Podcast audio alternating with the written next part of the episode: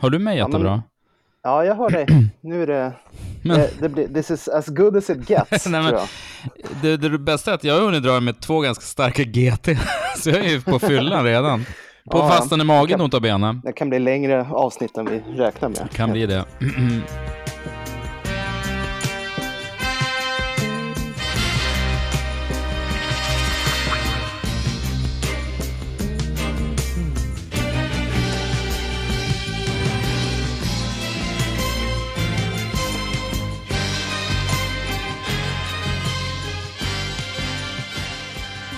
Hej kära lyssnare och välkomna till ännu ett avsnitt av Intresseklubben Antecknar. Det här är en Patreon special. Eh, jag heter som vanligt Per Perstrand och på andra sidan eh, Skype sitter Jesper Viking. Jag är här, hör du mig? Jag sa, ja, jag hör dig.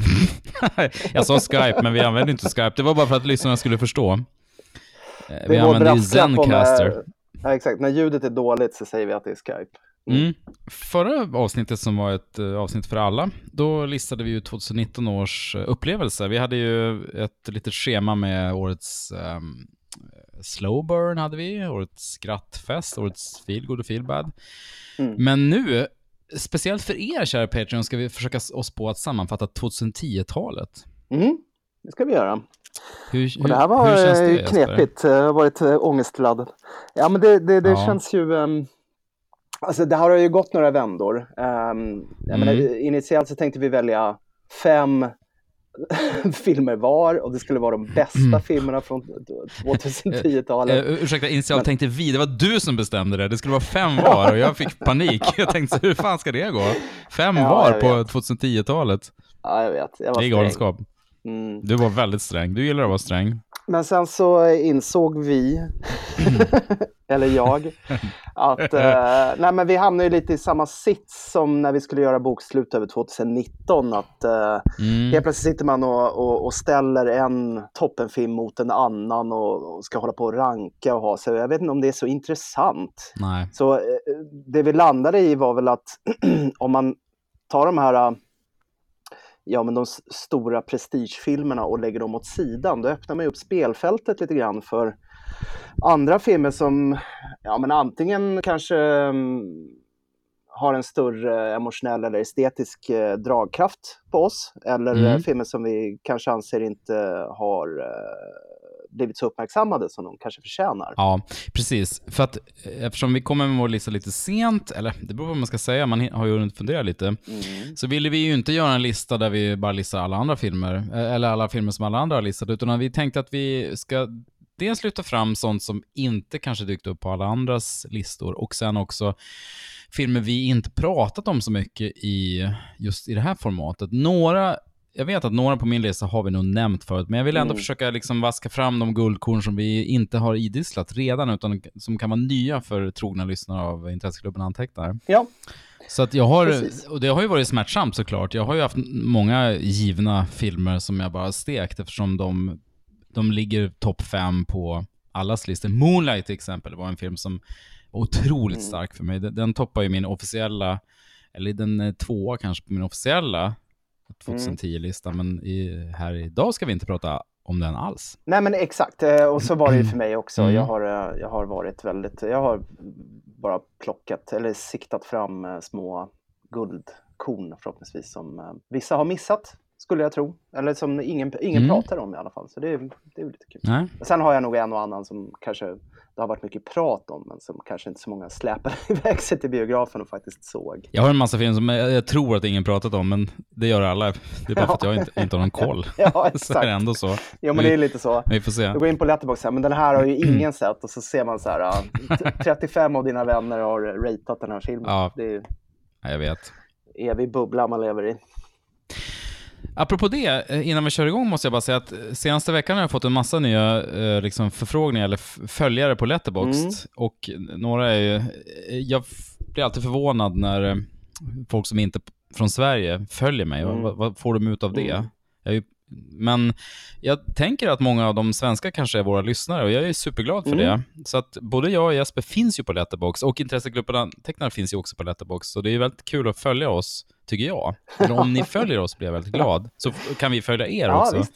absolut. Jag ska säga direkt, jag har inte valt några filmer från i år. Och då har jag tänkt dels att vi har ju redan pratat om årets filmer i förra podden och sen känner jag kanske också lite så här förnumstigt att de har inte eh, liksom kvalat in än. Man vet ju inte riktigt om de håller för hela 2010-talet. Nej, så är det. Jag kan ju lätt säga att Parasit liksom kommer att hålla på den här listan. Men det känns också som att den är lite sönderpratad, så att jag har liksom...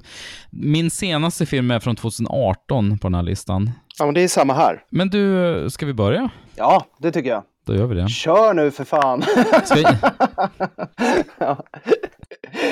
Så jävla velande. Ja, jag vet, jag vet. Det, det, det, det, jag får lite prestationsångest, men jag börjar då. Eh, vi börjar med lite fakta. Jag, eh, jag loggar ju allting på Letterbox, annars, eh, eftersom jag är senil så har jag ingen koll på någonting. Men enligt Letterbox så har jag sett 921 filmer av, alltså på 2000-talet. Eller av 2000-talets filmer har jag sett 921 av dem. Så det fanns ju i princip 92 per år att välja på. Mm. Så det fanns ju ett ganska bra utbud ändå. Ja. Eh, men med, återigen då, jag har ju valt lite dålisar och ja, det här har vi redan pratat om så jag behöver inte komma med fler förklaringar. Vi kör. Mm. Min första film är Cyrus. My ex-wife, she's getting remarried, but I'm fine with it. Well, yeah, I overheard your speech over there on the couch. Oh, oh I thought it was really honest. Are you flirting with me? I'm like Shrek. What are you doing? What are you doing here in the I forest? Didn't say that. Shrek. There was a time I know I'm not supposed to say this, but I really like you. Is it crazy for me to say I wanted to work out? She's amazing. Man, I can't believe how deep into it I am. I love being with you. Hey, guys. Whoa! Whoa! Whoa! Sorry for interrupting you. She has a grown son. Oh my god. I'm Cyrus. Och det här är inte då Cyrus the Virus från Conair, utan det är Jay och Mark Duplass eh, komedi från 2010 som heter Cyrus. Jag valde den här, dels blev jag påminn om den därför att Mark Duplass är ju med i The Morning Show som är Apple TVs, Apple TVs eh, nya dramaserie. Har du hunnit se den förresten? Har ni Apple TV? Nej, vi har ju inte det. Så. Um, jag får um, ja, det får bli ett kommande projekt för mig. Jo, vi kan snacka om den sen. Vi har ju det och man, alla Apple TV-ägare får så här, man fick se de första tre gratis, sen nu köpte vi det så att vi har prenumeration, det är superbilligt.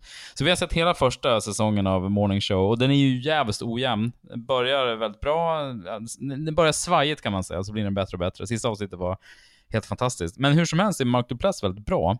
Mm. Han och brorsan Jay har gjort väldigt mycket. De var ju liksom ledare för den här, vad som för länge sedan kallades den här mumblecore-scenen. Jag har inte sett svinmycket av dem, jag har inte sett Creep till exempel som eh, de är inblandade i, men Cyrus är en komedi från 2010 som jag sa, som går ut på att eh, eh, Marissa Tomei är eh, ensamstående och börjar dejta John C. Reilly som är hennes kavaljer. Allting verkar bra, men problemet är att eh, Marissa Tomei har då Jonah Hill som är liksom hemmapojke. Han är, han är hennes eh, vuxna pojk som fortfarande bor hemma och är extremt eh, mån om sin mamma. Så att han eh, försöker ju mobba ut alla hennes uppvaktare så att säga. Mm. Den är, är, man kan tänka att det är lite en, en smartare Step Brothers ungefär. Ja, det är ju, den, den ribban är ju ganska låg. Nej, men Step Brothers är ju faktiskt en av 2010-talets bästa komedier. Den jo, är ju svinbra. Absolut, men den är ju inte så... ja, det är en dum film, men den är ju, wears it on its sleeve kan man säga. Ja, det är sant. Det finns ju, berörings, det finns ju en beröringspunkt också, att John C. Reilly är med förstås. Men um, Cyrus var jävligt fin. Um, den tar inte liksom de väntade, förväntade vägarna riktigt, var, var den ska hamna någonstans. Och uh, spelet från de här tre är ju fenomenalt. Så att, det är en film jag inte har sett om sen jag såg den faktiskt 2010. Så att jag är väldigt sugen på det. Men det är liksom en sån här lite bortglömd uh, lite bortglömd film i deras CV kanske och i komedifloran överlag. Mm. Och både Jonah Hill, John C. Reilly och Marissa Tomei gör fantastiska rollprestationer så att den här kan jag otroligt varmt rekommendera. Väldigt rolig. Ja, härligt. Mm. Den här var ny för mig faktiskt, så den ska jag ja. absolut lägga på min, min watchlist. Jag eh, tänkte lyfta en film eh, av en regissör som är aktuell just nu faktiskt. Det är Pedro Almodovar. År 2011 mm. så gjorde han ju en eh, film som heter The Skin I Live In. Som blev... Mm, eh, som jag fortfarande inte har sett. Nej, exakt. Den blev väldigt Eh, eh, omskriven och, eh, och hyllad av eh, kritiker och så. Men det känns som att det var inte så många som faktiskt eh, gick och såg den. Ehm, det var, jag är ju som, som tidigare sagt ett större fan kanske av Almodovars ehm, ja, men kyligare, vemodiga filmer från 2000-talet och framåt än de här äh, Mm. bjärta, hysteriska filmerna han blev berömd med på 80-90-talet.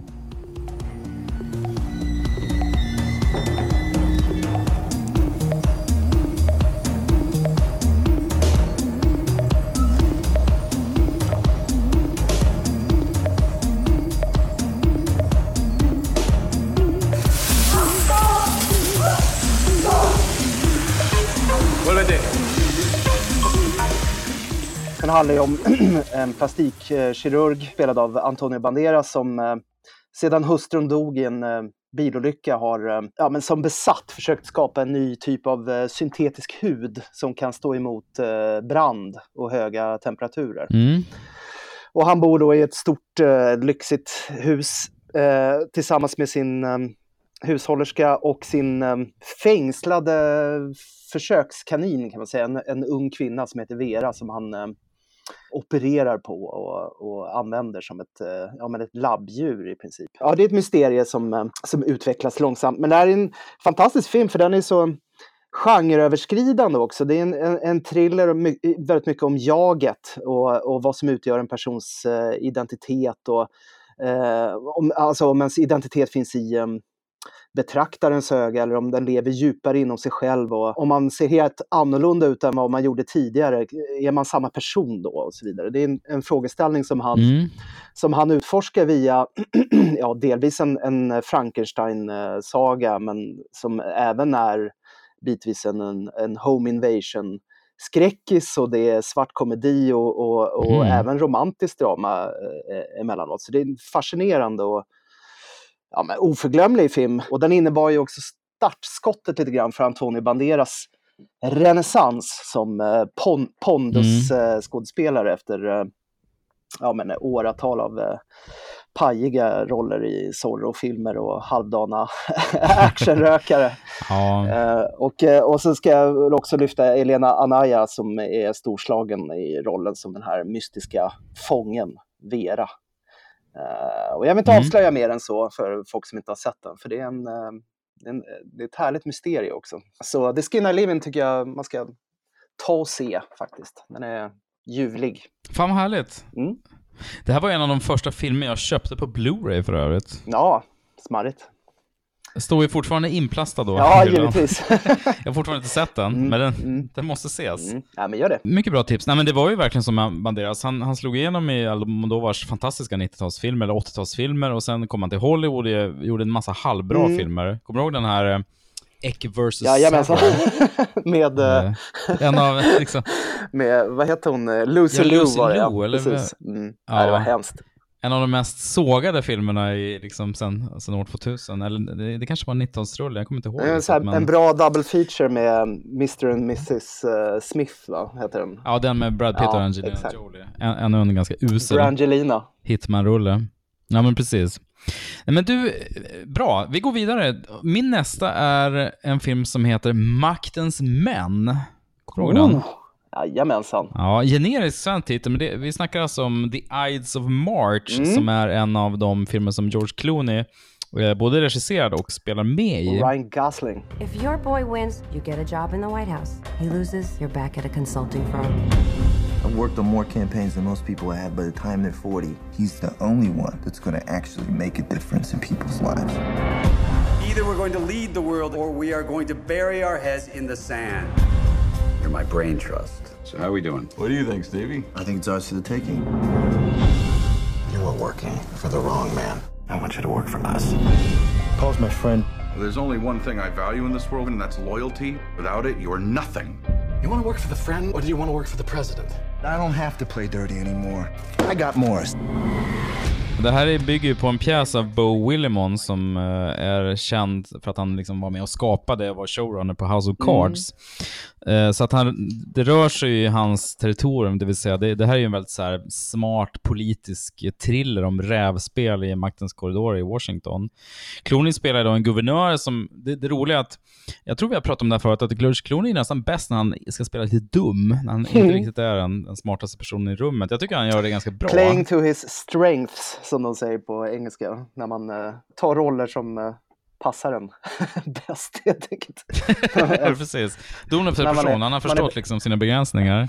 Nej, men han, han, eh, det här handlar ju, precis som alla bra tv-serier, så handlar det här om liksom typ um, West Wing och sådär, så handlar det om rävspelet bakom kulisserna så att säga. Så det vi följer är ju PR-makare och lobbyister och mm. staben. Uh, Clooney har ju en, um, han är ju en bifigur, i själva verket är det ju Gosling då som har en stor roll och birollsgalleriet i den här filmen är fantastiskt. Det är ju Evan Rachel Wood, det är Philip Seymour Hoffman, det är ja. Paul Giamatti, Jeffrey Wright, Marisa Tomei, så det är ju skådiskalas.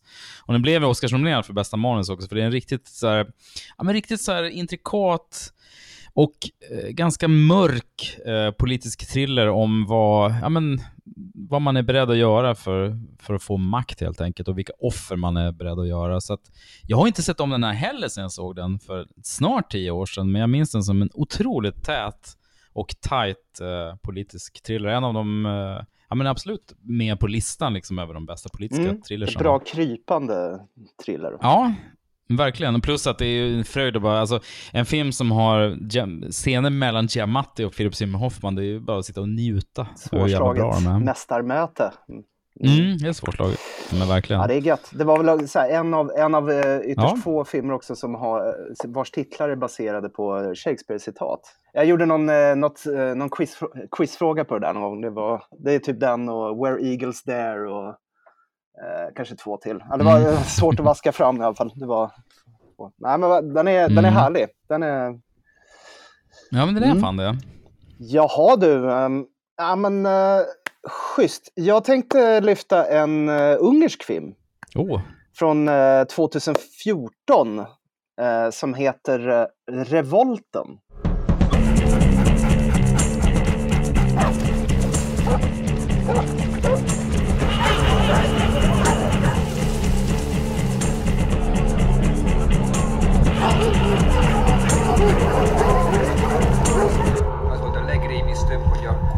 Is állatként viselkedtek, hanem mint egy összeszokott hadsereg egymásra figyelve. White God hette den på internationell titel. Eh, regisserades av eh, Cornel Mondruk Ksho. Jag ber om ursäkt för eventuella ungerska lyssnare för mitt bedrövliga uttal. Nej, men den här var ju hyllad i eh, Cannes när den eh, kom. Det handlar om en eh, 13-årig flicka som heter Lilly som tvingas lämna sin hund som heter Hagen ut med motorvägen för att hennes pappa vill inte ta hand om den här hunden. det har nämligen införts en, en skatt på blandrashundar i Ungern, för de ses ner på i samhället som ja, men orena och icke önskvärda. Här kan du notera parabeln då till samhällsklimatet mm. i Ungern. och, och, det leder då till stora flockar av övergivna hundar som stryker omkring på Budapests eh, gator. Som hennes hund ansluter sig till, men han blir eh, ganska snart uppfångad av en kamphundstränare som lär honom att hata och döda. Det här är en film som bitvis är ganska svår att se om man är hundvän som jag, men det är värt det för det är så otroligt tillfredsställande när alla de här eh, hemlösa hundarna väl eh, sluter samman och utkräver hämnd på alla oempatiska människor de har stött på. och i samband med det så är det ett sånt logistiskt mirakel hur de har lyckats filma alla de här eh, massscenerna med hundar som rör sig i synk och, och attackerar. Folk. Alltså det, det är ett underverk. Mm. Alltså. Och den är vackert fotad överlag, eh, välspelad eh, och en stark skildring också av um, den här flickan Lillys eh, ja, men övergång från barndom in i vuxenlivet och hur även människor domesticeras i, eh, i samhället via eh, ja, men bestraffningar av eh, auktoritetsfigurer då, som fäder och lärare och så vidare. Man ska hållas kort. Mm. Mm. Nej, så det, och väldigt stark film och mycket vackert slut. Så eh, jag vill varmt rekommendera Revolten från 2014. Ja, härligt. Jag kommer ihåg att jag läste om den här filmen när den kom, att den blev väldigt hypad. Det finns en jättesnygg bild också med de här eh, enormt uppehåll av Mm. hundar som kommer springande. Ja, fint att du fi- fick in en hundfilm också. Mm, det känns bra. Mm, det förstår jag. Mm. Ja, men från hundar till ny-noir. Jag tänkte nämna en film som jag tror du också gillar ganska mycket och det är den här Killing Them Softly Ah, eh, från 2012 av Andrew Dominic. That's what you got, dishwashing gloves? We don't look like a bunch of amateurs. What's this? A sawn off shotgun. It's what you asked me to get you. It's gonna kill everybody in the room. Mark Trapman's game was hit a couple of nights ago. Hey, hey, hey! Just give it all up, nobody gets hurt. It's only money. So where do we go from here? We start with Trapman. They are not gonna okay anything major here. What does that mean? They just want you to talk to them. Hey, what's going on? Hey, hey! Talk to them. Shove them around a little. Don't hurt them too badly, because they don't want them hurt.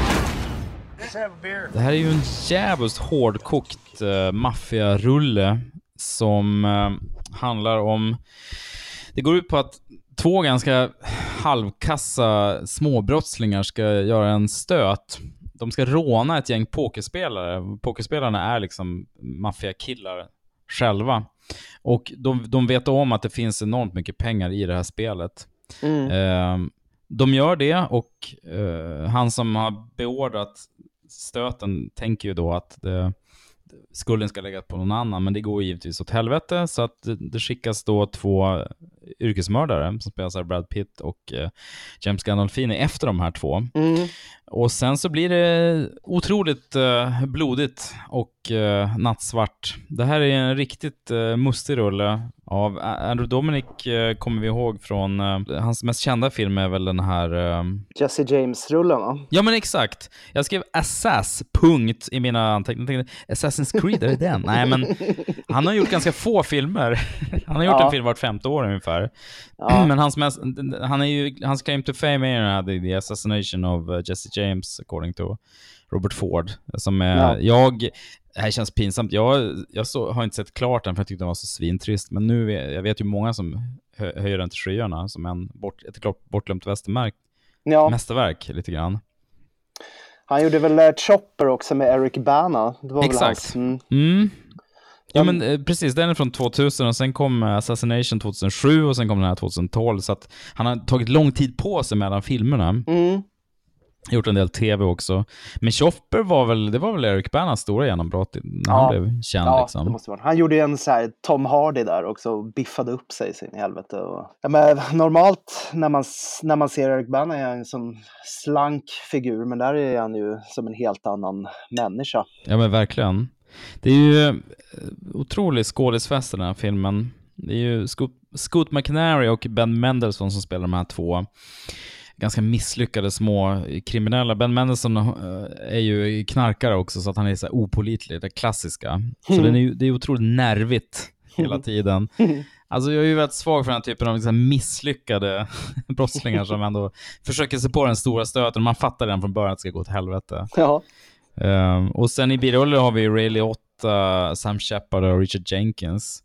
Och det är hemskt för att eh, om man kollar rollistan på Wikipedia så är det så här, första kvinnliga rollen på så här, nummer 10 är så här, hooker. Så att det är inte en, det är en mansrulle kan man säga. Det är total korvfest. Men um, den är otroligt tät och otroligt Ja men eh, den har liksom den här olycksbådande, ödesmättade eh, stämningen över sig som alla riktigt bra noir-rullar ska ha. Man förstår liksom det här kommer gå åt helvete. Men den, den är väldigt bra på att skildra den, va- den vardagslunken inom så här, typ New Jersey-maffian också. Hur, det, hur mekanismerna funkar och hur det går till. Den är helt, helt oglamorös och väldigt sjaskig. Ja, är verkligen. Eh. Så jag gillar den jättemycket. Och den här såg jag bara här om året, men det känns som en lite så här, jag tror den blev lite hypad, men den känns ändå lite bortglömd nu och mycket sevärd. Det skriver jag under på. Den är Mm, härlig. Härligt. Vad har du som nästa? Äh, men jag kan ju vara lite eh, kongenial med dig här. Jag tar också en, ehm, en, en, en gangsterfilm, fast inte så eh, mörk och allvarlig. Snarare tvärtom. Jag tänkte lyfta Martin McDonaghs Seven Psychopaths från 2012. Put your hands up. No, but I've got a gun. I don't care. It doesn't make any sense. Too bad. I'm going to work. Are you pissed at me for something, baby? Why would I be pissed at you, Marty? Because you're a Billy. You waiting for somebody, old guy? No. Okay, you seem normal. Come on in. We gotta get this dog off the street because it's kidnapped from a maniac. Dandy.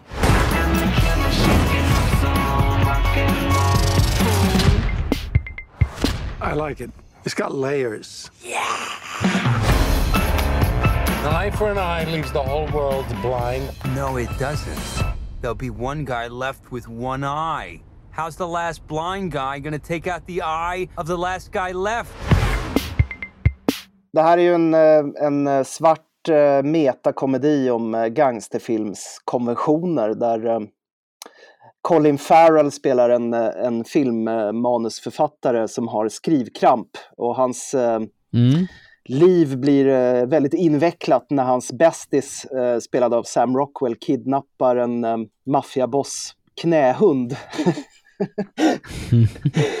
Eh, den här blev ju väldigt eh, ofördelaktigt och, och kanske lite orättvist jämförd med McDonalds eh, genombrott då, In Bruges som var ju så tokhyllad och älskad. Och det, Mm. det hade ju gått fyra år då sedan han hade gjort den. Så att den har fått mycket kritik för att vara lite ansträngd i sin berättarform. Och den lyfter fram en massa klyschor men, men varje liksom, klyscha kommer med en fotnot som ska kommentera. De kommenterar Mm. hela tiden vad som är tropes i, eh, i den här typen av film. Och, eh, och plus att den utnyttjar ju också då de filmklichéer som den gör sig lustig över.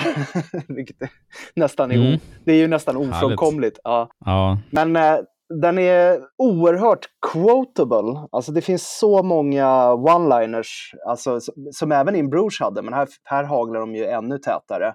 Och eh, Sam Rockwell får ju briljera som eh, Colin Farrells eh, psykopatiska kompis Billy. Och han i sin tur har ju en, en eh, arbetspartner spelad av Christopher Walken som levererar på, på en nivå som är sällsynt. Han har en scen mot Woody Harrelsons eh, gangsterboss till exempel som är helt i paritet med, ja men du vet, eh, dialogen med Dennis Hopper i eh, True Romance till exempel. Mm. Är, True Romance, just det. Mm. och framförallt så är den hysteriskt rolig. Både jag och så skrattade så vi grät när vi såg den. Mm. Men det kan ju därmed också vara en vattendelare. Om man, om man inte skrattar högt inom de första fem minuterna av den här filmen, då kan man nog eh, lika gärna stänga av, tror jag.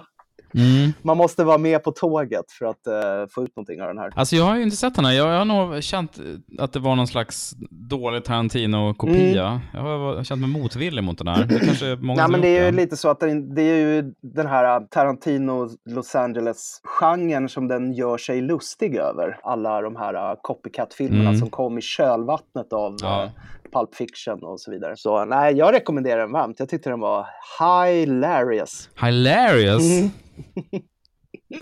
Ett överanvänt ord i engelskspråkiga filmrecensioner, men jag, tror, jag tar det på orden. Ja. Jag tror på det. Ja, gör det. Nej, men jag, istället för att, jag har fler liksom deppiga nynoir, men jag, jag hoppar över till en komedi istället, eftersom du var inne på det lite grann. Lite roligt. Fint. Eh, jag ska lyfta fram en film som heter They Came Together. If you love love stories, You like fiction books? I never met anyone else who likes fiction. That is too funny. and if you love falling in love, then you will love this love story. Hey, you look different. Really? You think so? You've got Groucho glasses on. You noticed. Well, great story. Yeah, uh, we should get together again very soon. We're not done. Yeah, sit down. Well, actually, you know it's getting so late. Sit your ass down, Karen. eh, som kom 2014 av, i regi av David Wayne. Och David Wayne är väl känd för att för den otroligt roliga sketchserien Stella. Han har gjort den här, alla de här filmerna i Wet Hot American Summer-serien. Det var ju först en film och sen blev det ju två Netflix-specialare liksom. Mm. Han har gjort den här Role Models också som var ganska rolig. Det är en romcom som är, funkar både som en romcom och som en total parodi på alla romcoms. Den otroligt, den är liksom en satirisk version av den klassiska romcomen. Mm. Det är Paul Rudd och Amy, Amy Poehler. Har du sett den här förresten? Nej, jag har inte gjort det. Ja, men den, är, den är kul. Alltså, Paul Rudd och Amy Poehler spelar huvudrollerna. Uh, Amy Poehler äger då en liten uh, godisbutik uh, som heter Upper Sweet Side, typ. Och Paul Rudd äger ett stort så här, godiskonglomerat. Så att man fattar direkt att det är lite så här, du har mail, lite shop around the corner-stämning mm. där. Och sen handlar det lite om hur de träffades och hur deras relation utvecklar sig. Och den är, det är otroligt bra manus på den här filmen. Den är jävligt rolig. Det är totalt bidragskalas. Alltså, väldigt många personer som, som dyker upp i poddar man lyssnar på och den här typen av, alltså som ingår i kretsen kring David Wayne och hans filmer och tv-serier dyker upp som Jason Mantzoukas, Ellie Kemper, Ed Helms, Michael Ian Black som var med i Stella också, Jack McBrayer från 30 Rock då. Ken Marino, Adam Scott, Billy Hader är med till exempel. Så Oj. det är jävligt roliga skådisar i, i alla små roller också. Mm, jag hör det. Och jag har ju sett den här filmen sågas, men jag tyckte det var otroligt rolig. Så gillar man David Wayne och gillar man Stella och Wet Hot American Summer så kommer man verkligen älska They Came Together. Som jag, jag tror aldrig den gick upp på bio i Sverige. Nej. Men den finns att strömma, så att den är värd att kolla upp. En av de liksom bortglömda, bästa bortglömda komedierna från 2010-talet ska jag säga. Det låter jätteintressant. Jag, bara, jag satt och tänkte på, jag försökte mm. komma på vad den här uh, romcom-parodin hette med Rebel Wilson huvudrollen. Det var någon Netflix-rulle som dök upp. Ja, Is it romantic? Det, exakt. Ja, exakt. Så, så om, man är, ja. om, om, man är sugen på den, då kanske man hellre ska se They Came Together. Ja, jag tyckte inte den var usel, men den var ju inte så lyckad. Jag tycker den började lovande, men den, den höll, höll inte riktigt sin sin, eh, vad ska man säga, höll sig inte sina egna regler under hela filmen. Heller. Nej. Nej, den höll inte. Nej. Den var inte, den var inte jättebra. Nej. Och det roliga är att de har ju, eh, de har ju brorsan till, eh, vad heter han, Tor? Ja, Liam Hemsworth. Exakt, som ska spela en, liksom en pantad version av en, ett lead i en romantisk film. Men han är ju tråkig, vilket ju också sabbar ja, filmen lite grann. Sannoliken. Men ja, den hade sina poänger, men nej, men ska man se en satir över romcom så ska man ju skippa den och så ska man se They Came Together istället som är väldigt vass och kul. Mm. Smart. Mm. Bra tips från mig. ja. Fint. Jag kommer ju gå, göra en eh, klackvändning här och gå in i misären. Ja, vad härligt. För jag tänkte lyfta en uh, film av Joe Carnahan som heter The Grey. Mm, ja, vargfilmen. Kom 2011. Med Liam Neeson. Precis. We need a fire. And we find food. If we don't move, we're all freeze to set. You'll find us. They gotta know that plane went off the radar. Nobody's gonna find us. Not here. We figure out one way is south and we start walking. This will be one of those wild stories you tell at a party. what is it? Get up, get up! What is that? Don't move. Stay right back at him. If we can get to that tree line, we can better defend ourselves. Here they go! Go! Go! Hold on! Uh, Joe Conan har ju inte gjort så många filmer. Han gjorde Narc och Smoking Aces. Det är ganska så här lättviktiga mm. gangsterrullar egentligen. Så det här är ju, The Grey sticker ut lite i hans uh, verkförteckning. Det är en väldigt melankolisk film där um, Liam Neeson uh, spelar en enkeman, har jag för mig att han är, som är anställd av ett uh, oljebolag i uh, Alaska för att hålla bort djurlivet från manskapet. Och mm. efter ett sånt där månadslångt skift så ska mannarna resa hem på permis men då kraschar planet i en snöstorm och hela gruppen blir då ansatt av en vargflock. Mm. Och det här är ett eh, krypande, obehagligt överlevnadsdrama med eh, ja, naturens likgiltighet som fond där eh, civilisationens tunna fernissa skrapas bort av de här skärande polarvindarna. Alla eh, visar sitt sanna jag under eh, filmens gång. Och, mm, mm. det är väldigt dyster men oerhört eh, spännande och gastkramande film som inte fick mm. så mycket uppmärksamhet. Men jag tror också att den, den försvann lite i den här uppsjön av eh, Nison-mackor som började där med Taken och sen så har det ju varit full rulle sen dess. Jo, men precis. Alla filmer har inte varit mästerverk heller om vi ska vara helt ärliga. Exakt. Nej, så att The Grey eh, stack ut för mig. Jag tyckte den var oerhört eh, spännande. Jag, en film som mm. jag till och med har sett om faktiskt. Det är inte ofta jag gör. Mm, härligt. Mm. Nej, Nej, men jag har inte sett den av oklar anledning, men jag har läst på andra ställen att den ska vara riktigt bra, så jag måste göra det. Mm. Ja, men gör det. Men du, jag, eh, jag tar en norsk eh, katastroffilm nu. Jaså? Hur känns det? Ja, det, det... Ja. jag tänkte snacka lite om Böljan, eller The Wave. Eller Vågen. Ja. Eller, den går under Ja. många namn.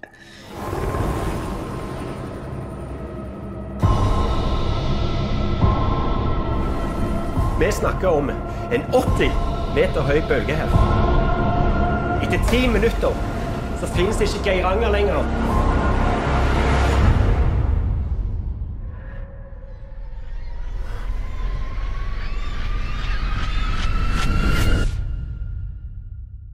Det här är alltså Roar Uthaugs katastrofrulle från 2015 som blev en jättehit i Norge. Eh, vi är inte jättebortskämda med nordiska katastroffilmer, men det här blev ju en, eh, en riktig macka. Mm. Det går ut då på att eh, en geolog som spelas av Kristoffer Joner, han- är liksom bäst i sitt skrå. Han är den första att inse att det kommer att hända någonting. Men hans varningar, det är, alltså, i mångt och mycket är det klassiskt katastroffilmsupplägg.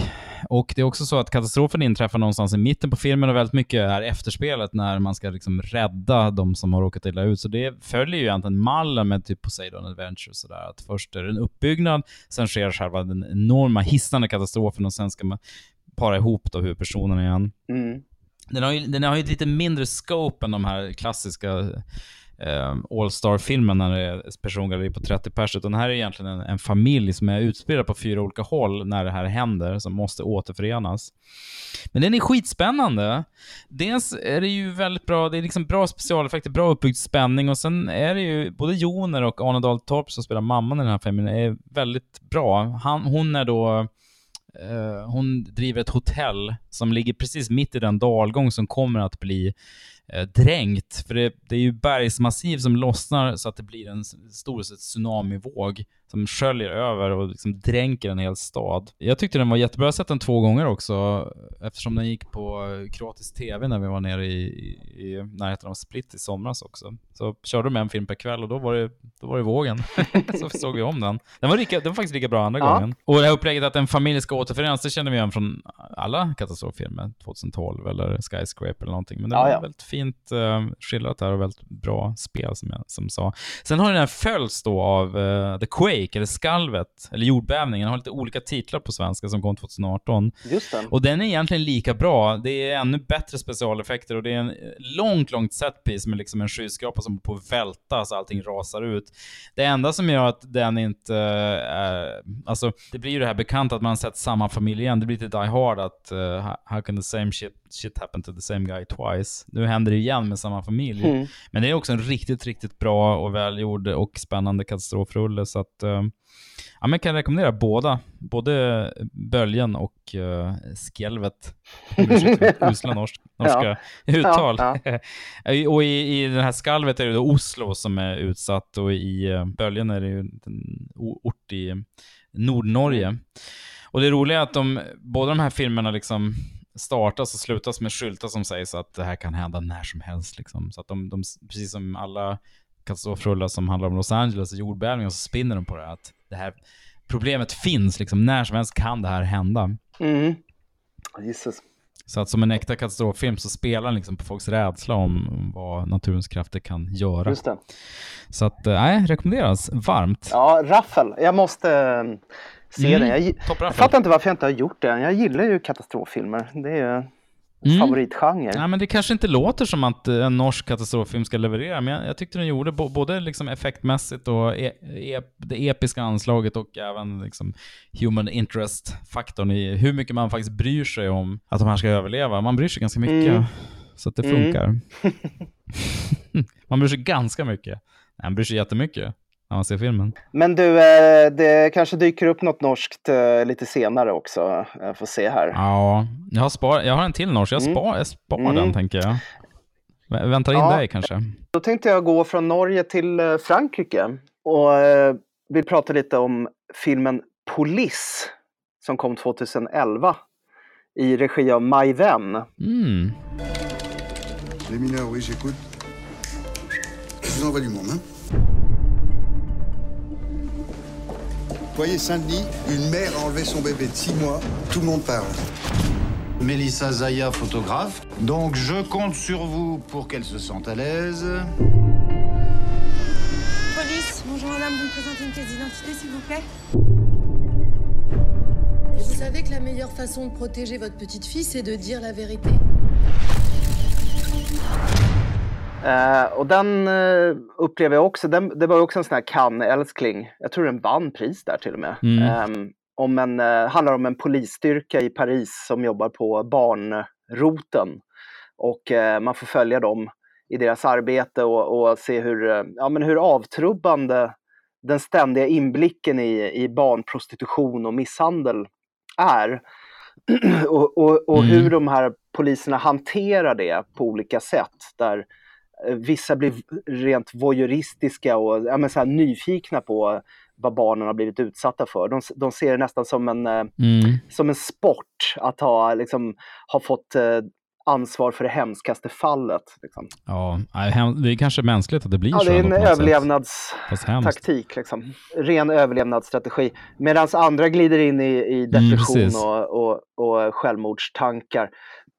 så det är, en, det är en väldigt drabbande film, men den är ju samtidigt eh, ett galghumoristiskt drama om, om ett eh, samhällsproblem som man gärna undviker att lyfta fram. Så att eh, det är en viktig Mm. film på det viset också. Och väldigt eh, som spännande och engagerande. Så den skulle jag verkligen vilja lyfta upp för att eh, jag upplever att inte alls många såg Polis helt enkelt.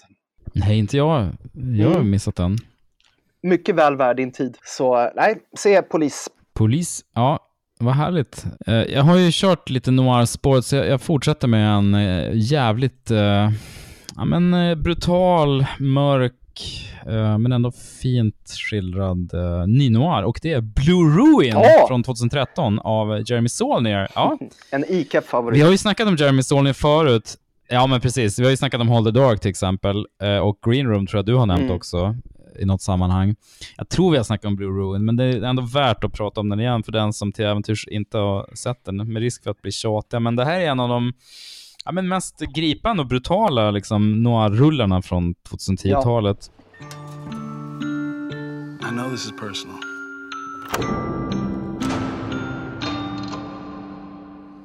That's how you'll fail. I'd forgive you if you were crazy. But you're. You're weak. Hello. It's me. By my count, that's two of yours and two of mine. I don't know how this ends.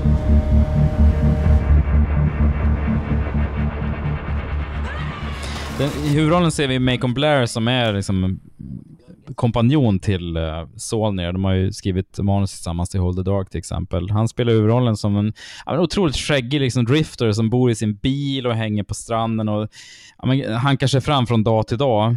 Och han får då en dag meddelande om att den, den man som mördade hans föräldrar för 20 år sedan har eh, släppts ut ur finkan på grund av eh, liksom good behavior. Eh, han, han är ute då och man förstår att det här traumat har ju har liksom präglat hans liv då, Dwight som han Mm. heter. Och Dwight bestämmer sig då för att utkräva hämnd. Så det är en hämndfilm, men hämnden är, som i alla filmer, så är den inte enkel, men som i ganska få filmer så är den, eh, den den är stökigare och krångligare och blodigare än, än någonsin i den här filmen. För att det, det blir liksom en spiral av händelser som, att han, som han inte alls kan förutse i början av filmen. Hårdkokt som fan och jävligt välspelad. En sån film som man inte riktigt vet var den ska ta vägen någonstans. Och det här blev ju också Saulniers calling card till eh, vidare karriär. De, de gjorde den här Murder Party tillsammans som jag såg som en riktigt, riktigt dålig. Jag blev jättebesviken på den, tyckte den var bedrövlig. Men uh, Blue Ruin är fantastisk och uh, Hold the Dark har vi snackat om förut. Den är ju, den är ju riktigt, riktigt vass. När han har lite mer pengar. Men eh, Blue Ruin, har man inte sett den så kan jag varmt rekommendera den. Mm, jag med. Den är... Den fanns på Netflix ganska länge, men jag tror att den inte är kvar där längre. Men den, jag, jag kollade alla mina filmer och att de ska finnas att eh, strömma eh, på olika ställen. Så att eh, det går att se. Den är härlig. Ja, men visst är den det? Ja, bra att du fick in Solnier här. Ja, men jag var tvungen. Jag vet att vi har snackat om honom förut, men jag var ändå Ja, men det är bra. tvungen Ja, det är bra. mata in honom. Ja, det tycker jag är Mm. bra. Just den har vi inte pratat om faktiskt. Nej, jag tror inte det. Jag tror inte vi har snackat om Blue Ruin så mycket. Nej. Nej, det har vi inte gjort. Ja, men gött. Ehm, Mm. Då ehm, ska vi se om jag ska försöka välja någon liten motpol här då kanske. Mm. Lätta upp det lite igen. Vet du vad, jag gör så här. Jag, jag, jag lyfter en um, Bigfoot-film. Ja, Bigfoot. Äntligen. Mm, nu kommer den. Nej, men Mm. eh, jag har ju som eh, trogna lyssnare vet eh, betat av en hyfsat många Bigfoot-filmer. Och den här har jag nog... Ja, du har det. Ja, och jag har pratat om den här tidigare i något avsnitt, men det kom en film 2014 av Eduardo Sanchez som heter Exists. Ja, just det. Den har vagt minne av att du har snackat om, ja. Det kom två riktigt hyfsade eh, eh, filmer i den här genren ungefär samtidigt. Den andra var ju Willow Creek av Bobcat Goldthwait. Mm. Eh, och båda är ju um, found footage-filmer då. I went out and I bought one of these bad boys. We're gonna have the best YouTube video ever. Looks like a little love walk going on.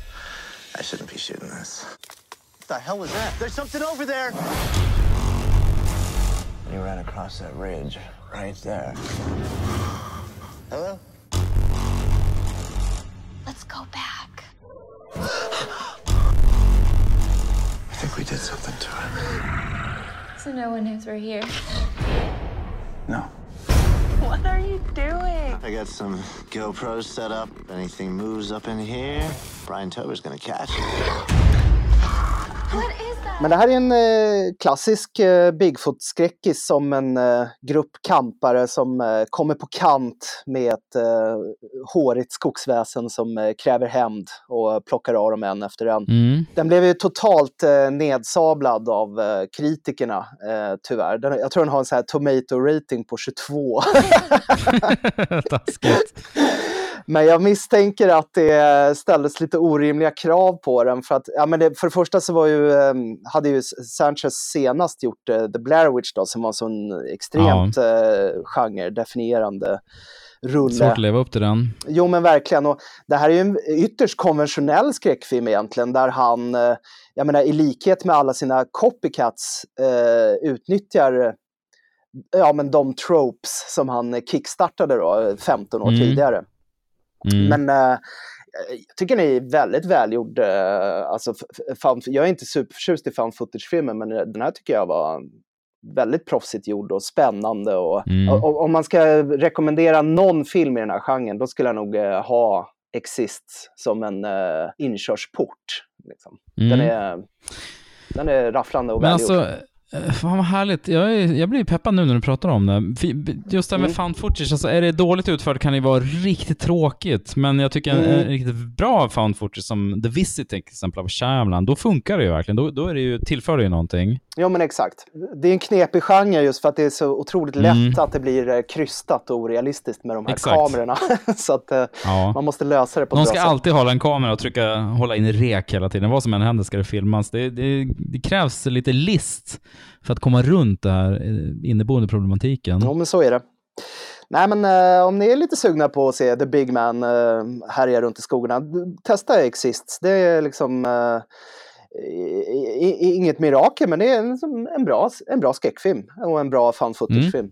Härligt, jag blev fan peppad. Exists, det är inte en Mm. jätte, det är en lite tungvrickare, det är inte super säljtitel kanske. Nej, det är det inte. Det var... Även om det liksom förklarar filmen kanske Ja. på ett bra sätt.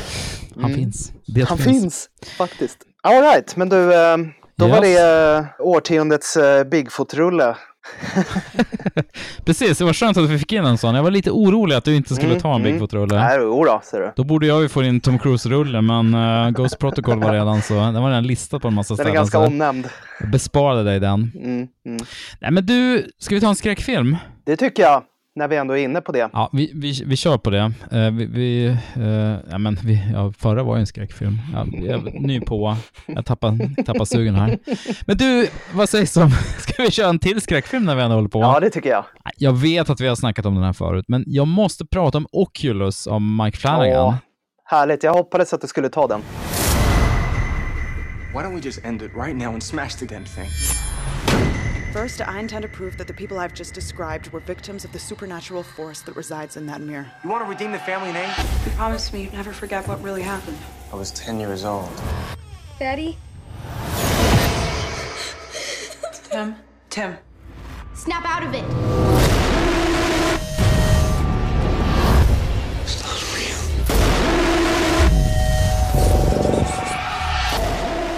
Mike Flanagan, han, han är ju oss kär. Han är ju den för närvarande mästaren av Stephen King-filmatiseringar. Både Gerald's Game och eh, nu Dr. Sleep har han gjort. Eh, han gjorde den här Hush, det var kanske hans stora genombrottsrulle som blev en Netflix-släpp också. Mm. Eh, du har ju sett Dr. Sleep Ja, va? jag såg den i julhelgen. Hur var den? Ja, jag såg det på Letterboxd. Var den bra? Mm, ja, jag tycker den var, jag tycker den var bra. Jag var positivt ö- överraskad. Jag tänkte, jag har inte läst romanen så att eh, jag, jag hade väl inga förväntningar så, men jag blev alltid så nervös när de eh, i trailern när de eh, har, har återskapat Kubricks The Shining så mycket i Ja, men, och, och det kändes nästan som det mest överflödiga. De hade lika gärna kunnat bara göra sin egen take på det hela. Ehm, jag tr- jag Ja. tror nästan att det så här, äh, skadar filmen att, den, äh, att de använder just det här ikoniska utseendet på, från äh, The Overlook Mm. på det sättet. Men äh, även om jag såklart förstår. Det är väl en selling point för Ja, filmen känns också. typ, näst- man ska få se Jo, mer. alltså det känns som att den hade inte blivit äh, greenlightad om de inte hade gjort så. Nej. Nej. Men, äh, nej, men Johan McGregor var kalas. Han var äh, bästa roll jag sett honom i på flera år faktiskt. Och, och, äh, Mm. Sen tycker jag Rebecca Ferguson var läskig. De hade gett henne en äh, vidrig sån här hippie-bohem-stil också som äh, är nej. väldigt så här... äh, man, man, det kryper i skinnet på en direkt. Bara Mm, rent estetiskt. ja, nej, men den var, var fin. Den Mm. var fin. Det var, ing- det var inte ett mästerverk, men den var eh, mycket... Ja, jag tyckte den var kalas faktiskt.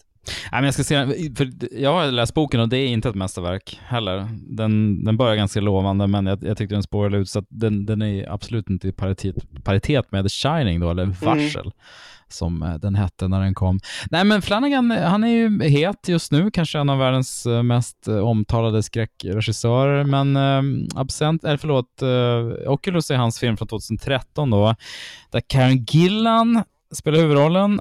Eh, Det är ett familjedrama om eh, mord och övergrepp inom familjen som kanske inte beror på familjen utan det kanske beror på den här läskiga spegeln då Mm. som finns hos dem. Så den hoppar ju mellan två olika eh, tidsepoker så att säga. Eh, spegeln kan ju liksom fjärrstyra folk och ge dem hallucin- hallucinationer så att de begår hemska dåd. Och eh, Katie Sackhoff är med, som vi eh, kommer ihåg från Battlestar Galactica. Och den här jättedåliga Netflix-serien som vi snackade om Ja, den här tidigare science avsnitt, som inte blev så bra. Ja. Mm. Ja, tråkigt. Hon är värd så mycket Ja, bättre. Uh, Katie, Katie Siegel är med, hans, Flanagans fru, eller tjej, som är med i all, nästan alla hans filmer också. Eh, den är ju, alltså Oculus är jättespännande och en av de uh, läskigaste skräckisar jag har sett på 2010-talet, så Mm. är det bara. Nej, det, den, Jag kan inte riktigt förklara varför, men alltså det är en väldigt väluppbyggd spänningsfilm, men det är ju någonting med det här med speglar Mm. då givetvis. Och folk som är dolda under skynken, Ja. det är ju läskigt också. ja, nej jag vet. Så enkelt är det ju. Nej, men jag, jag håller med dig. Alltså, jag tycker också det är en av eh, alltså om man, om man ska summera så här 10-talets skräckfilmer, då är ju den väldigt top of mind. Den var Mm. oerhört effektiv Ja, eh, i sitt utförande, alltså både liksom rent estetiskt men också, alltså den, den har ju någon hook som gör att man, eh, den, den Mm. berörde mig på något sätt. Jag tyckte den var djupt Mm. obehaglig. Som fan. Jag ska nog eh, faktiskt hålla den högst bland eh, Flanagans filmer, faktiskt. Eh, det är nog den jag gillar mest. Ja, det tror jag. Jo, men det är hans eh, mest fulländade. Nej, men jag har ju, jag har ju sett den här Before I Awake eh, Mm. som är bra också. Jag har inte sett Absentia, hans, hans debut. eh, Inte jag heller. rulle. Eh, Den är lite svårare att Mm. få tag på, men nej, den är, Oculus är, den är Mm. fulländad. Sannerligen. Härligt, vad har du Nej, som men, nästa eh, film?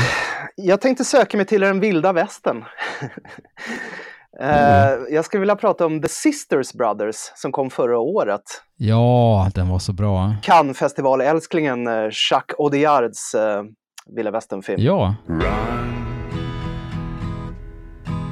Run, you realize that our father was stark raving mad, and we got his foul blood in our veins. That was his gift to us. That blood. That's why we're good at what we do.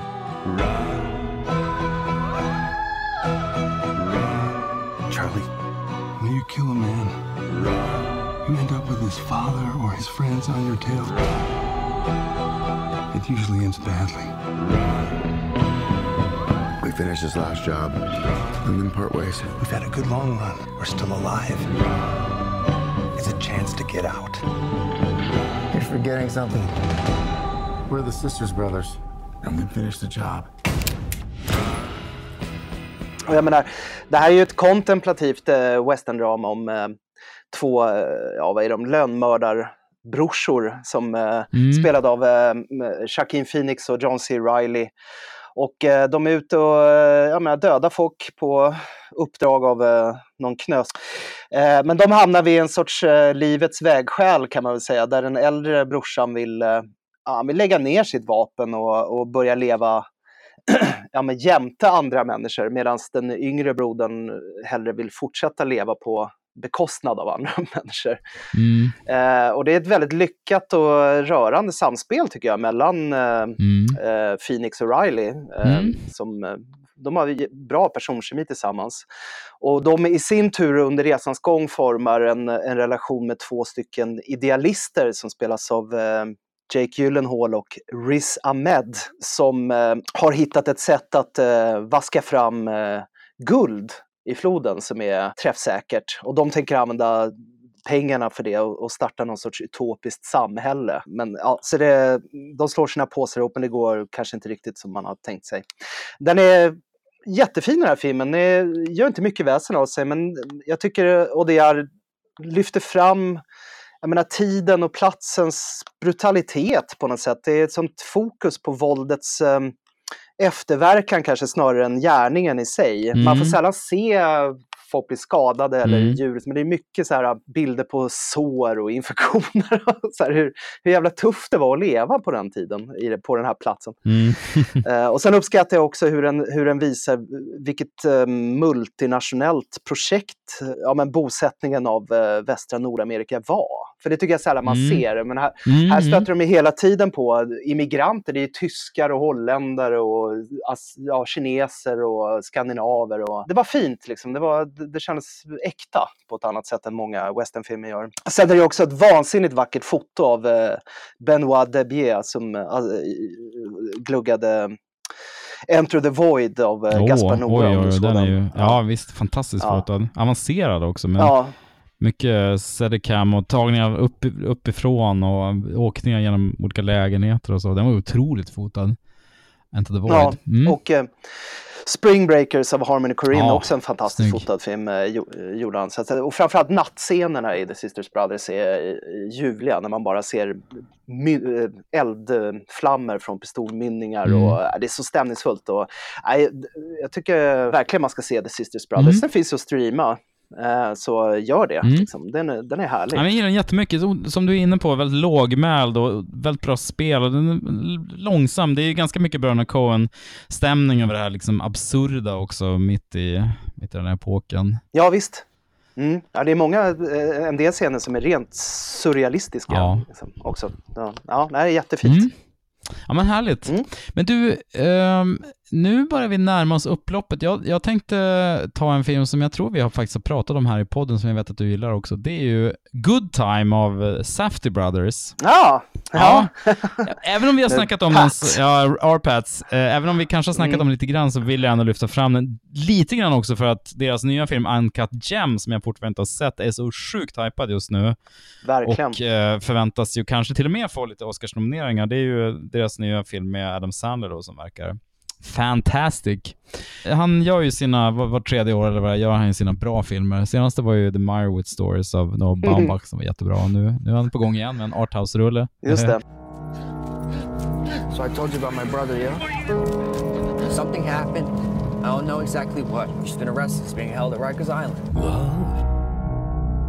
Oh my god, that's awful. Make me queen. Just gotta get him out of there before something bad happens. He could get killed in there. The bureau from love.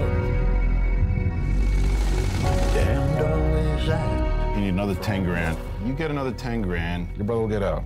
The truth is an act of love. I think something very important is happening and it's deeply connected to my purpose. Every day I think about untwisting and untangling these strings I'm in. Nej, men Good Time, eh, det handlar ju om eh, två bröder En liksom fifflare som hankar sig fram och hans eh, bror som är lite förståndshandikappad eller funktionshindrad som han hämtar från terapigruppen för att de ska genomföra ett rån tillsammans. Um, och det går ju åt pipan förstås. Så det är ju, filmen är ju en lång flykt egentligen. Nästan från början till slut. Och uh, jag tror vi har nämnt förut liksom hur, uh, vilken karriär Arpads har haft efter Twilight-filmerna. Hur han verkligen har valt. Det är lite som Leo DiCaprio gjorde med Scorsese och alla de regissörer han jobbar med också. Hur han verkligen plockar så intressanta regissörer och projekt han har velat jobba med. Och han är ju fenomenal och Benny Safter och en av brorsorna som faktiskt spelar den här förståndshandikappade killen, de är otroligt bra i den här filmen. Mm. Och hela filmen har ett sånt tempo och sån desperation. Den är så jävla nervig hela tiden. Så att man sitter ju på helspänn Ja. i två timmar. Det, det är makalöst. Mm. Ja, det är en resa, Mm. det är det verkligen. Ja men verkligen. Mm. Mm.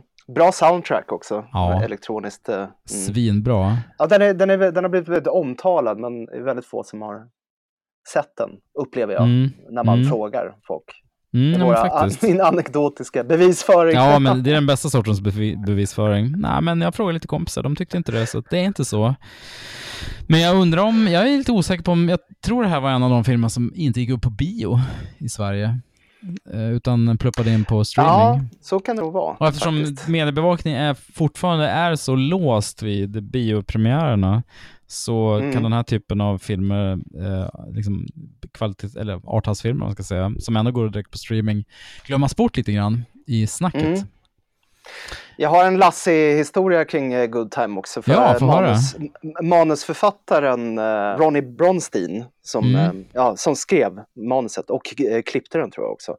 Han är en gammal kollega till mig när jag Jaha. jobbade på, på eh, Spray Racefish eh, i slutet av 90-talet, början av 2000-talet. Då var han copywriter på Oj. Stockholmskontoret. ja, Ja. så att, det var en trevlig, väldigt trevlig kille faktiskt. Mäktigt. Eh, och han, var, han höll på mycket med film redan då och, och höll på. Han hade en sån här enorm eh, klippmaskin eh, i, sin lägenhet som tog upp hela vardagsrummet som han satt och jobbade på. Gjorde Ja. egna projekt. Så. Ja, det var kul. Det Coolt. var roligt att se att han har eh, faktiskt fått en eh, karriär. Som, Ja, ja, och, att det, och att det dessutom är så jävla bra, vilket var, Ja. det är inte självklart. Liksom. Nej, men jag ser på, här på internet att han har ju skrivit uh, Uncut Gems tillsammans med brorsorna och klippt den också Mm. tillsammans med Benny Safdie, så att eh, han, han Mm. fortsätter samarbetet. Det är ju fantastiskt. Mm, det är härligt. Coolt. Ja, gött. Bra. Mm. Du, eh, nu ska vi se, då ska väl jag kanske ta något eh, också liknande. Nej, men vet du vad, jag, jag slänger in Turinhästen Ja, från härligt. 2011. Nice. Filmen som blev superhyllad men som ingen pallade Mm. att se. För att det är ju oerhört, det är Bel Belatar, eh, det är hans sista film och han är ju känd för att ha gjort väldigt långa filmer. Jag tror hans längsta var väl typ 7-8 timmar lång eller något sånt där. Oj, ja.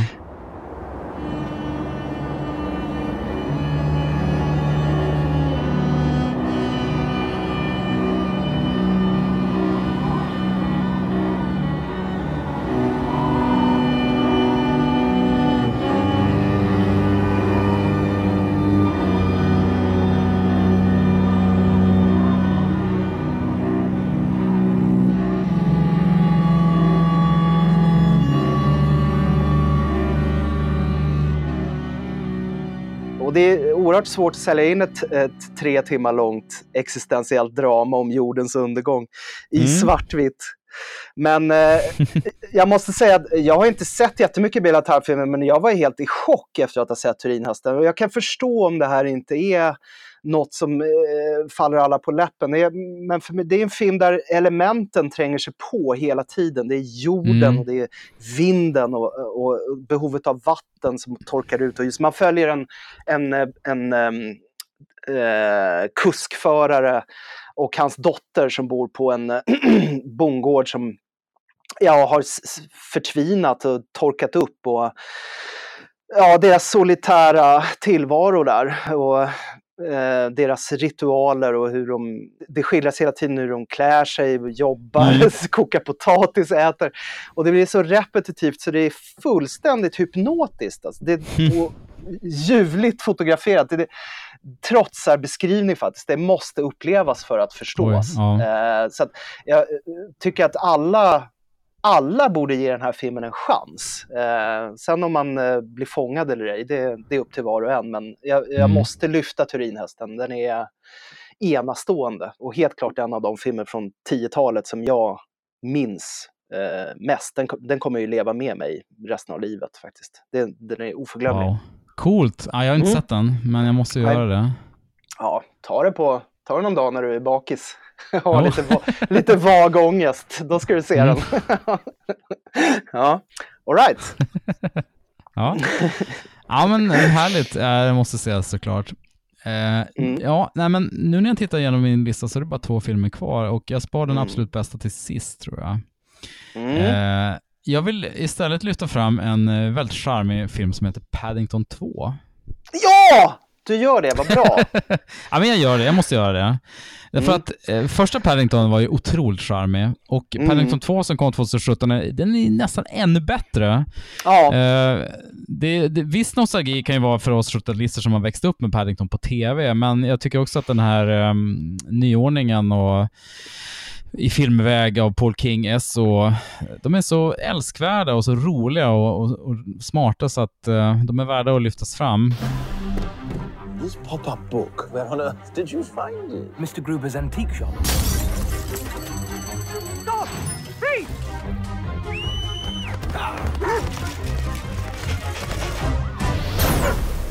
Hold it right there. Oh, but I'm not the thief. Mysterious things have been happening all over town. We're rich again. I may look like a hardened criminal, but I'm innocent. We're gonna need a foolproof plan.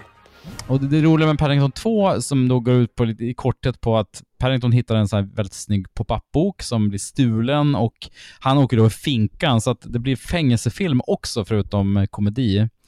Eh, Är så otroligt eh, rolig och den ger, ger också Hugh Grant det han själv har kallat hans bästa roll någonsin. Jag vet inte om Ja. han var ironisk då eller om han menade, men han har ju sagt det att det här är det bästa han har gjort. Och han är så Ja. fantastiskt jävla bra. Jag tror inte han skämtar, för jag håller med honom. Nej. Jag tycker, jag Jag- tycker jag- typ jag det är det bästa rätt. han har gjort. Ja. och den är så otroligt meta. Det är så självironiskt också för att eh, han spelar då en superfjompig skådis som heter Phoenix Buchanan som är extremt narcissistisk så här West End-stjärna. Han är ju en stjärna i dalande. Han har ju varit en stor stjärna. Nu säljer han ju eh, hundmat och får inte liksom de stora rollerna längre. Men hans lägenhet är belamrad med porträtt av honom själv och man känner, tittar man så ser man att det här är ett foto från Maurice till exempel. Det här är ett foto Ja. från Peter Moon. Alltså Hugh Grant i olika åldrar från de här Merchant Ivory-filmerna som går runt och speglar sig i olika peruker och bara njuter av sig själv hela tiden. Han är så vanvettigt fjompig och självupptagen. Han är så fruktansvärt rolig och, och bra och själv... Alltså hela rollen är ju så självdistanserad också så att man kan bara njuta i fulla drag. Ja, jag, jag håller med. Alltså, den är, för mig är Paddington 2 en, eh, en så här form, eh, film. Jag, jag, som, Mm. eh, Folk frågar mig så, här, vilka är dina topp 10 filmer någonsin? Och då brukar jag nämna till exempel Babe. Den modiga Mm. Ja, lilla grisen. Jag har den Ja, på du min topp den. 10 och folk tror att jag är skämtar, men jag menar allvar. Alltså, jag tycker den är så, och Paddington 2 är, den är precis på samma nivå. Det är som perfekt Mm. film. Den är rolig, Ja. rörande, eh, lite sorgsen, spännande. Mm. Det, eh, allt, Mm. Allting finns där och det är otroligt Mm. välgjort. Det är, Men man måste få ha en sån film på listan, för det är ju en perfekt film liksom i, sin genre. Så Ja. att, eh, den är lika bra som Turinhästen, Mm. att inse. I sanning. Sen är det ju, ja men hans, det är ju väldigt, väldigt fint och älskvärt cast också med, samma från förra filmen då, med, med eh, Hugh Bonneville och Sally Hawkins som hans eh, fosterfamilj då. Och sen eh, nytillskott är ju Mm. till exempel Brendan Gleeson som spelar Knuckles McGinty som är en så extremt hård kock, i det här fängelset där han är. Som är underbar bister, också. Bister Ja, eh, fånge. Mm. Mm. Mm. Ja, den är, och sen ja, Jim ljuvligt. Broadbent är med. Ja, det är eh, toppcast av uh, mysiga uh, brittiska skådisar. Richard Ayoade till exempel, Jonah Lumley, Peter Capaldi. Många, många, många. Mm. Nej, supercharmig. Så det var liksom, jag såg den nu i förra året och det var ju ett av förra årets stora liksom, filmupplevelser. Den är så njutbar och mysig och älskvärd från början till slut. Mm. Jag skriver under på detta. Den är jättebra. Ja, härligt. Mm. Jag är jätteglad att du tog den. Ja, jag var tvungen. Ja, jag var tvungen. ja, det är bra. Den måste prata om. Vi måste prata om den. Ja,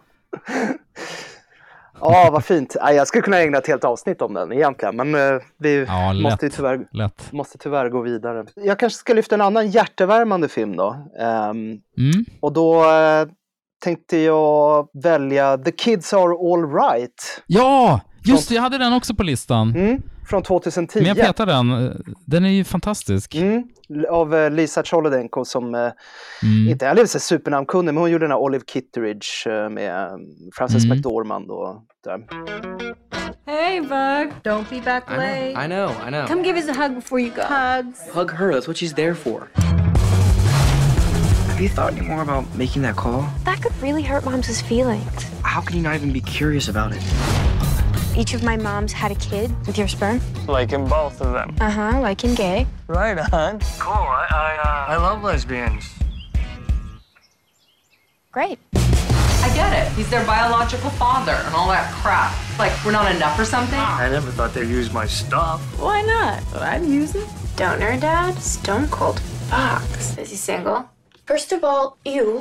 En film med eh, Julia Moore och Annette Bening spelar ett eh, lesbiskt par som eh, har varsitt barn via, ja vad heter det, artificiell se- inseminering. Va? Mm. Det yngsta barnet eh, söker upp sin biologiska far som eh, spelas av Mark Ruffalo. Och han är en sån här, eh, Mm. ja, men en skön hantverkartyp som blir eh, eh, förtjust i sin eh, nyvunna fadersstatus och eh, börjar Mm. eh, nästla sig in i den här familjen. Och då eh, uppstår det konflikt då med Annette Bennings matriark kan man säga. Hon är väl den som har brallorna på sig i det här. eh, I Mm. den här re- relationen. För Julia Moore är hemmafru och, och aspirerar till att bli någon sorts inre, jag tror det är inredningsdesigner eller motsvarande. Medan Benning är mm, läkare om jag inte minns fel. Mm. Så att eh, Julia Moores rollfigur blir också väldigt förtjust i Mark Ruffalo eh, för att han uppmärksammar hennes strävan och, hon känner sig sedd Mm. på ett annat sätt. Och Annette Bening blir eh, liksom irriterad på hur Mark Ruffalo glider in från sidan och, och stör familjedynamiken utan att ta något ansvar egentligen för, eh, för någonting. Mm, mm. Han var Så härlig. att- och nej, var härlig. Ja, han är härlig liksom. Eh, Skön så, kille. eh, jag tycker det, det var ett jättefint bitterljuvt drama om eh, Absolut inte om eh, eh, att vara gay eller eh, något sånt, utan det handlar ju mer om så här, familj, Nej. familjens pågående projekt. Och, och Mm. eh, ja, kanske i viss mån också skillnaden på kärlek och lust. Mm. Ja, jag, jag tyckte den var uh, ljuvlig och sen så är det en sån förmån att få se Julia Moore och Annette Bening, två av vår tids absolut främsta skådespelare, Ja, eh, spela ut hela sitt uh, känsloregister. Otroligt bra. Så nej, The Kids Are Alright, den ska man se. Det ska man göra. Jag gillar den jättemycket också. Mm. Otroligt charmig. Ja, men du, eh, jag har bara en film kvar nu på en, min lista. Jag tror att du kanske har den också.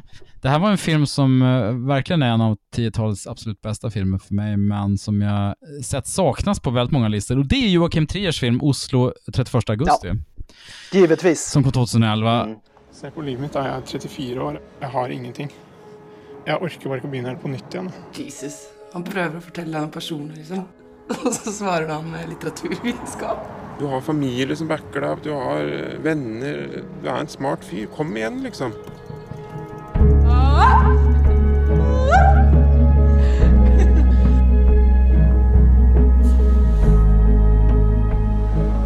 Det kommer bli bedre.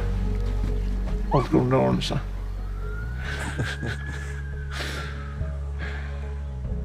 Det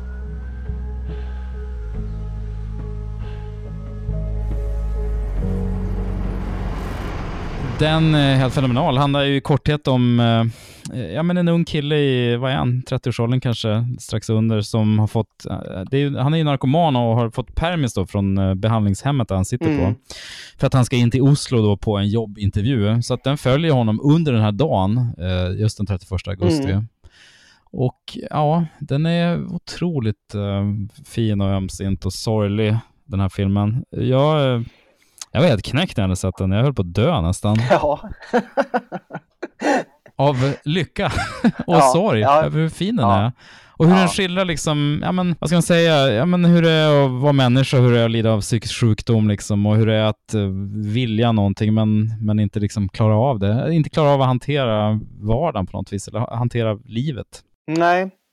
Nej men precis, det är väl eh, eh, ganska mycket också någon sorts porträtt av ehm, ja, men oss 70 70-talister och hur vi eh, växte upp eh, och blev liksom itutade massa um, snack om självförverkligande och sådär. Och, och hur, hur Mm. orealistiska förväntningar eh, det kan leda till på livet så att säga. För jag menar, han, har Mm. ju, Mm. han är ju en överklasskille den här Anders som vi följer. För övrigt eh, Mm. fantastiskt spelad av Anders eh, Danielsen Lie heter han va? Ja, otroligt Och, bra. Eh, och han upplever ju, alltså han går ju runt och söker upp eh, vänner och syskon och eh, förhopp, hoppas väl på att liksom få tända någon sorts livsgnista men han känner ju bara någon sorts tomhet, en, Mm. en likgiltighet inför sitt liv. Mm. Otroligt rolig och lyhörd dialog också. Och, och ehm, Mm. Eh, just Daniel Senlies um, såriga spel, alltså hans pendlande mellan hopp och förtvivlan eh, som bara uttrycks i, i ansiktsuttrycken, det är ju trollbindande. Alltså. Den är ju Ja, han spelar ju med extremt små medel. fantastisk film. Mm. Och bra reklamfilm för Oslo. Oslo på sommaren har ju aldrig sett vackrare Nej. ut än Nej, det är verkligen... Vilket- För det är så, och den otroligt bitterljuva kontrasten mellan hur otroligt vacker den här sommarkvällen som aldrig tar slut och sen eh, Anders då inre kamp och mörkret som finns inom honom. Det är en otrolig kontrast där som gör att det blir så starkt Mm. också. Ja, den är, åh, vad bra. Timingen den här filmen kom ut var dålig för att den släpptes ju eh, strax efter um, Breiviks eh, terrordåd. Det var ju också i sommaren det så? eh, 2011 och jag tror att när folk såg titeln Oslo Mm. 31 augu- augusti, då tror, jag, jag misstänker att folk tror att det handlade om det och ingen pallar, alltså, jag, bara, "Öh, jag orkar inte liksom, det. se Ja, det. så kan det vara ja. Men den har ju ingenting med det att göra. Men det är, Nej. det är det enda skäl jag kan komma på att folk inte sprang till biograferna. För den här är ju, ja, som vi har lyft tidigare avsnitt, att eh, nordisk film behandlas ju väldigt styrmoderligt av svenska besökare. Liksom. Det är sällan folk går och ser eh, någonting. Det, det, det dyker upp Mm. någon gång då och då, liksom någon sån här överskridande hit. Någon komedi eh, vanligtvis Mm. sådär. Men nej, den är så jävla bra. Alla Triers filmer är bra, men den Mm. här är i särklass. Nej, men den, den eh, hade premiär på i en certain regard i Cannes då och, och var Norges Oscarsbidrag också. Så att den, det är en typ sån här nordisk film som har fått mycket så här festivalbass internationellt, men kanske inte sett så jättemånga i Sverige då till exempel. Nej. Så har ni inte gjort det, så kolla, kolla upp Oslo 31 augusti. Ni kommer ju inte att bli besvikna. Den är helt enastående. Mm. Håller med. Och ironiskt nog, apropå Utöja, så har ju han sen spelat Breivik, Anders Danielsson Lie, Ja, just det. i, eh, just det. i Greengrass film som jag faktiskt fortfarande inte har Mm. sett, eftersom det kändes Ja. lite jobbigt. Jo, men verkligen. Ja, det här var ju min, eh, mitt sista val också. Så vi, har, vi, vi slutade på en gemensam not. Det var ju trevligt. Ja, Mm, det känns mm. bra. Kul. Mm. Men du, vad fint. Jag tycker vi Ja, fått, nej, men- fått, fick ihop en riktigt intressant uh, tiotalslista här. Ska vi sammanfatta listan eh, så här efteråt? Jag kan dra mina Mm. tio. Jag hade då Cyrus, eh, jag hade The Ides of March, eller Maktens män, jag hade Killing Them Softly, jag hade Blue Ruin, Oculus, They Came Together, The Wave, Böljan, Good Time och Paddington 2 och slutligen då Oslo 31 augusti. Vilka hade du? Jag hade The Skin I Live In av eh, Pedro Almodovar, White God eller Just det. Revolten av eh, Cornel Mundruccio, eh, Seven Psychopaths av Martin McDonagh, The Grey av Joe Carnahan, Police av Mayo Venn, Exists av Eduardo Sanchez, The Sisters Brothers av Jacques Audiard och Turinhästen av Belatar, The Kids Are All Right av Lisa Cholodenko och slutligen även jag, Oslo 31 augusti av Joakim Trier. Se de här om ni inte Mm. gjort det. Och har ni gjort det så se om Det dem. blev, alltså, det blev alltså Om ni vill. 19 eh, riktigt bra filmer man kan ta, ta en titt Mm. på. Mm. Mm. Bra Mm, lista, mm. måste jag säga. Om jag får säga det själv. Det får Det jag får ju. Vi får lägga upp det här på Letterboxd sen, som en eh, ordentlig lista. Som alltid är vi jättetacksamma över ert eh, stöd, kära Patreons. Mm, verkligen. Eh, Fortsätt med det, så ska vi fortsätta göra poddar. Vi lär väl dyka upp med en ordinarie podd eh, om ett tag och sen så kommer vi med fler eh, matiga eh, Patreon-exklusiva poddar under 2020. Det lovar vi. Hej! Mm. Hej, hej!